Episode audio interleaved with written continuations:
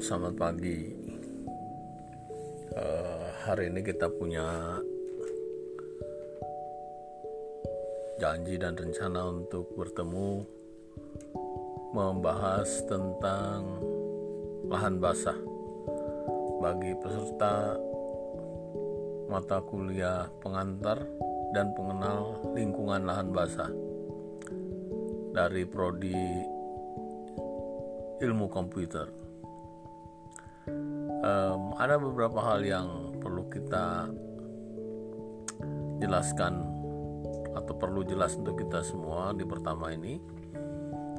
Uh, pertama adalah tentang persoalan tata tertib kuliah. Terus yang kedua nanti tentang pengantar mata kuliah itu sendiri. Baik. Dari mata kuliah ini akan difasilitasi oleh tiga pengajar saya sendiri Kris Dianto kemudian nanti setelah saya mengajar dengan jumlah pertemuan sebanyak lima kali akan diteruskan oleh Pak Cahyo. Pak Cahyo juga akan mengisi dengan jumlah lima kali pertemuan dan kemudian nanti Pak Budi. Jadi saya dari akan mengajar dari perspektif biologi. Pak Cahyo akan mengantarkan dari perspektif fisika dan Pak Budi akan menjelaskan melalui pendekatan kimia. Jadi uh, lingkungan lahan basah ini akan dikemas dalam bentuk mata kuliah yang dilihat dari tiga perspektif. Semoga nanti harapannya Anda semua bisa mengenal lahan basah. Uh, mengapa kita perlu belajar lahan basah? Nah, jadi semua mahasiswa di tahun pertama di Fakultas Mia itu diberi pemahaman atau mata kuliah tentang pengenalan lahan basah karena Universitas Lambung Mangkurat menggunakan lahan basah sebagai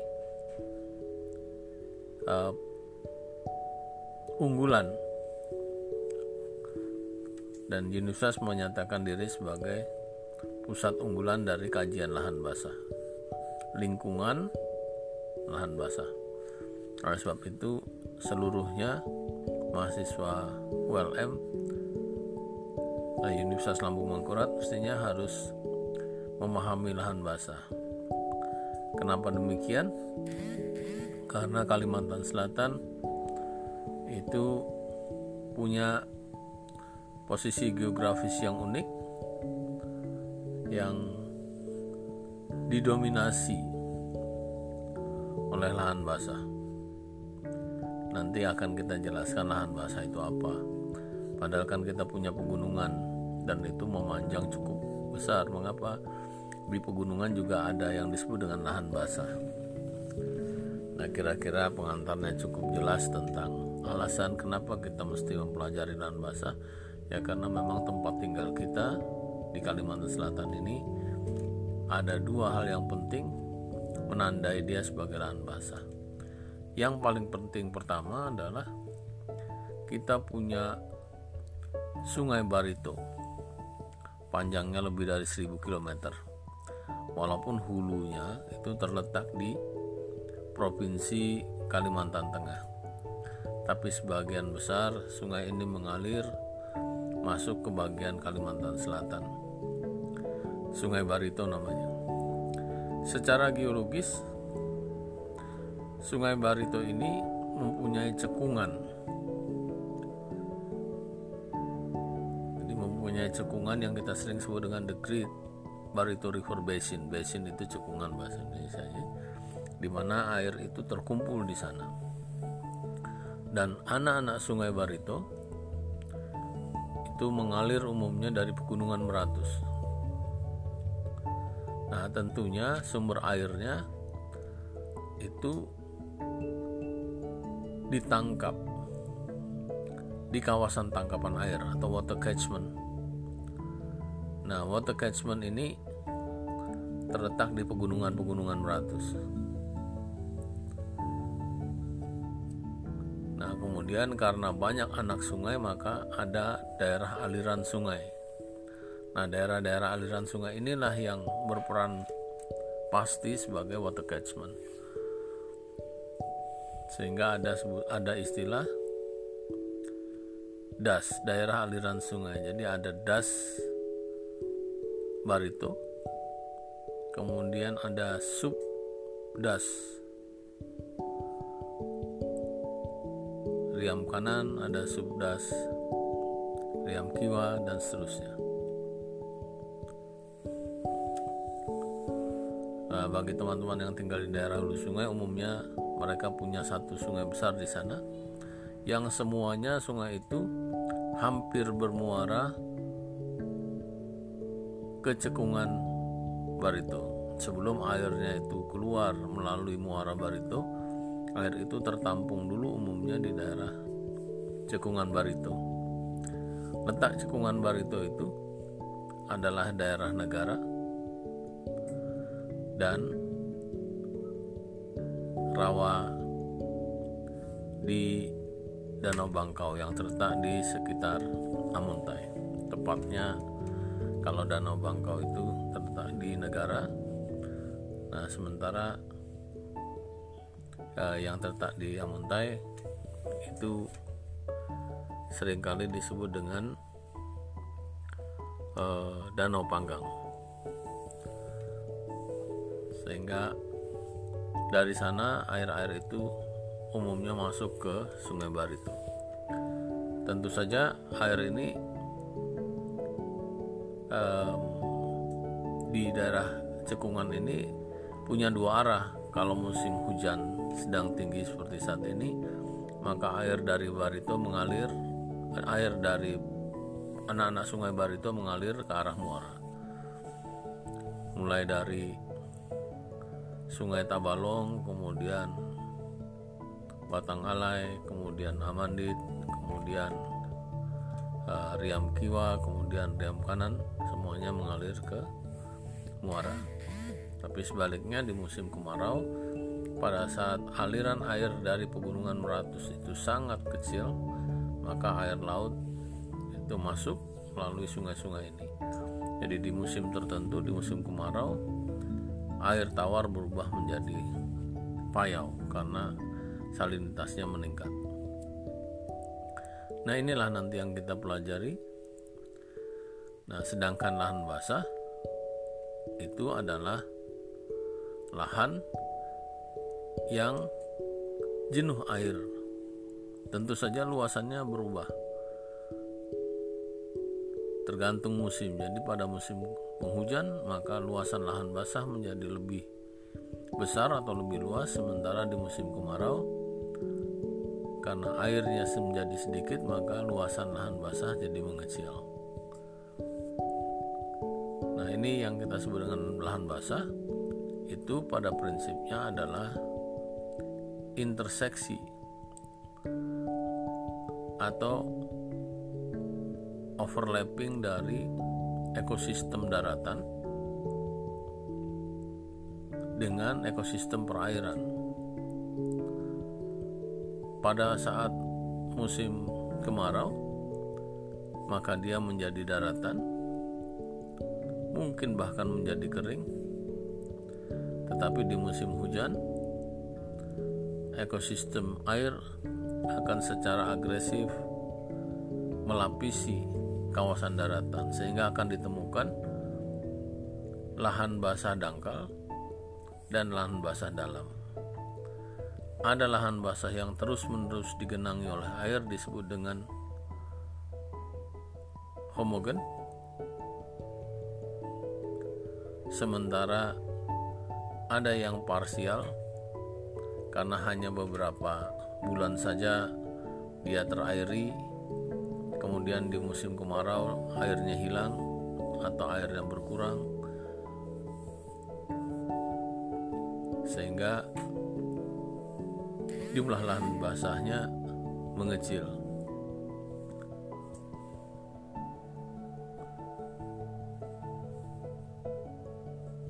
Perubahan ini tentu saja menyebabkan atau memicu terjadinya perubahan kondisi makhluk hidup yang tinggal di lahan basah. Jadi lahan basah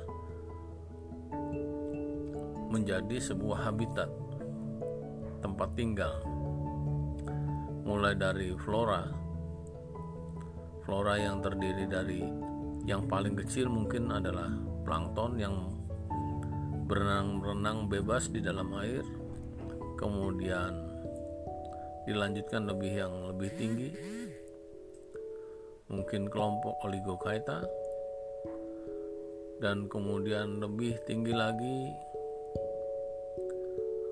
ada tumbuhan juga mulai dari rumput. Yang paling banyak adalah rumput tentu saja alge ada di bawah duluan.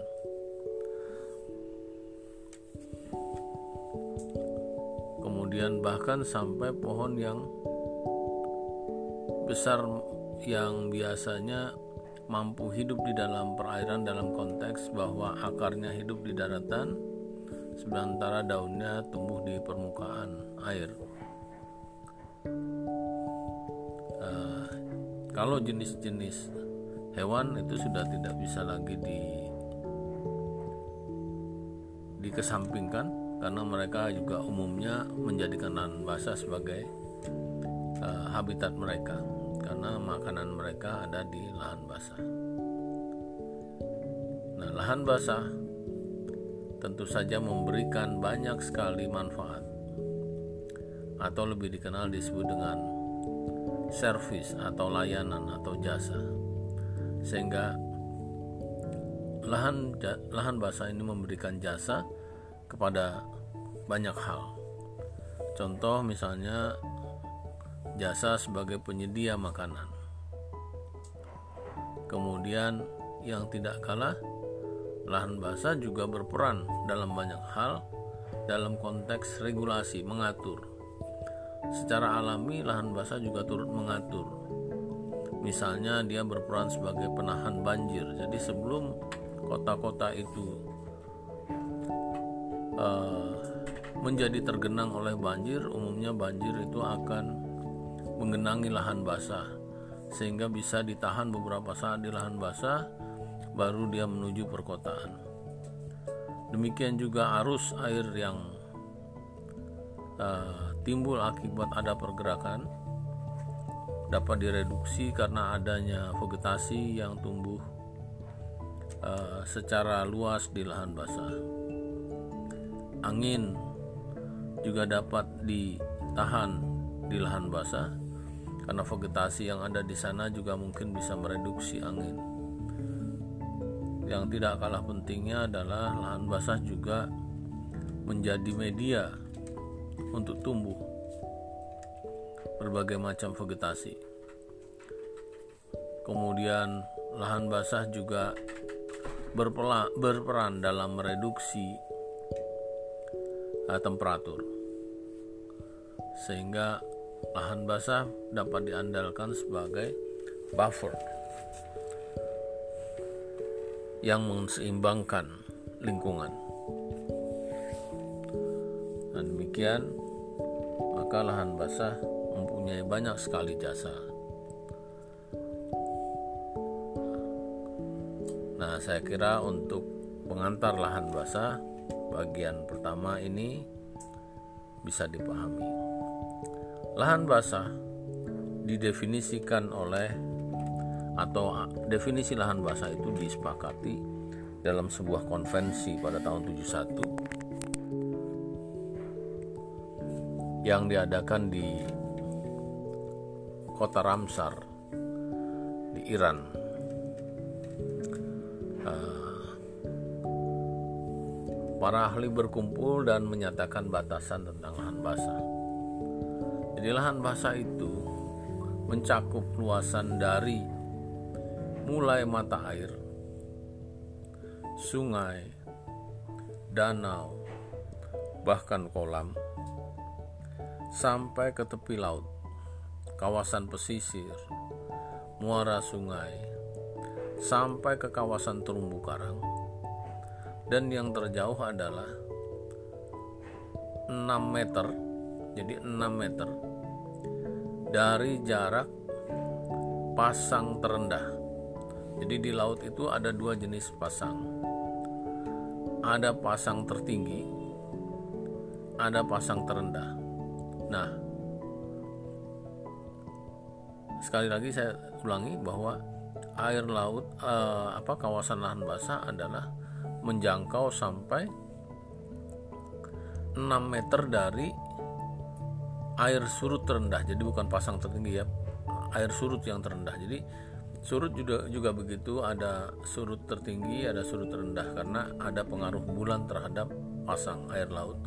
Jadi ada pasang air laut yang uh, biasa, kemudian nanti ada pasang air laut uh, air laut yang sangat rendah saat surut. Nah, kenapa dilakukan ukuran itu? Karena dianggap bahwa sampai di lapisan itu masih terdapat organisme yang hidup. Nah, selebihnya tentu adalah bagian dari laut, bukan lahan basah atau di sana pada saat air surut di bagian laut tentu tidak ada lahan yang terungkap. Nah, tapi kalau di sampai batas surut terendah masih ada lahan yang terungkap, maka di situ disepakati sebagai lahan basah. Ini perjanjian kesepakatan. Nah, sementara di sisi lain ilmu pengetahuan saat ini terutama saat terjadinya perubahan iklim global banyak ditemukan jenis-jenis lahan basah yang baru. Contoh, setelah terungkapnya atau mencairnya lapisan es, maka ditemukan lagi lahan-lahan baru yang tersingkap. Nah, ini belum di di recognize belum diakui sebagai uh, lahan basah. Karena tadinya seperti kutub itu tidak termasuk lahan basah. Karena di sana tidak terdapat lahan. Yang ada adalah lapisan es yang membeku. Tapi di bagian-bagian tepi uh, benua saat ini sudah terungkap. Misalnya contoh kasus adanya permafrost yang mencair. Permafrost adalah butiran-butiran es yang ada di dalam tanah Nah, pada saat ini dengan meningkatnya suhu bumi, permafrost itu mencair, akhirnya menjadi sungai, ada yang menjadi kolam dan tanah itu menjadi runtuh. Artinya menciptakan cekungan. Akhirnya harus diakui juga bahwa itu adalah bagian dari lahan basah. Sehingga ilmuwan mestinya saat ini sudah mulai memikirkan ulang mendefinisikan apa yang disebut dengan lahan basah. Ada beberapa contoh dalam kuliah kita akan diberikan di bagian-bagian lain um, yang harus dipelajari oleh mahasiswa dengan mencari sendiri sesuai dengan keinginannya untuk mendalami masalah lahan basah ini. Nah, ini saya kira sebagai bagian dari pengantar untuk lahan basah. Sisanya kita akan lakukan lagi di dalam kuliah diskusinya. Nah, ini hanya untuk mengantarkan supaya para peserta mempunyai gambaran tentang bagaimana isi dari materi yang ada di lahan basah. Saya kira itu saja. Terima kasih atas perhatiannya.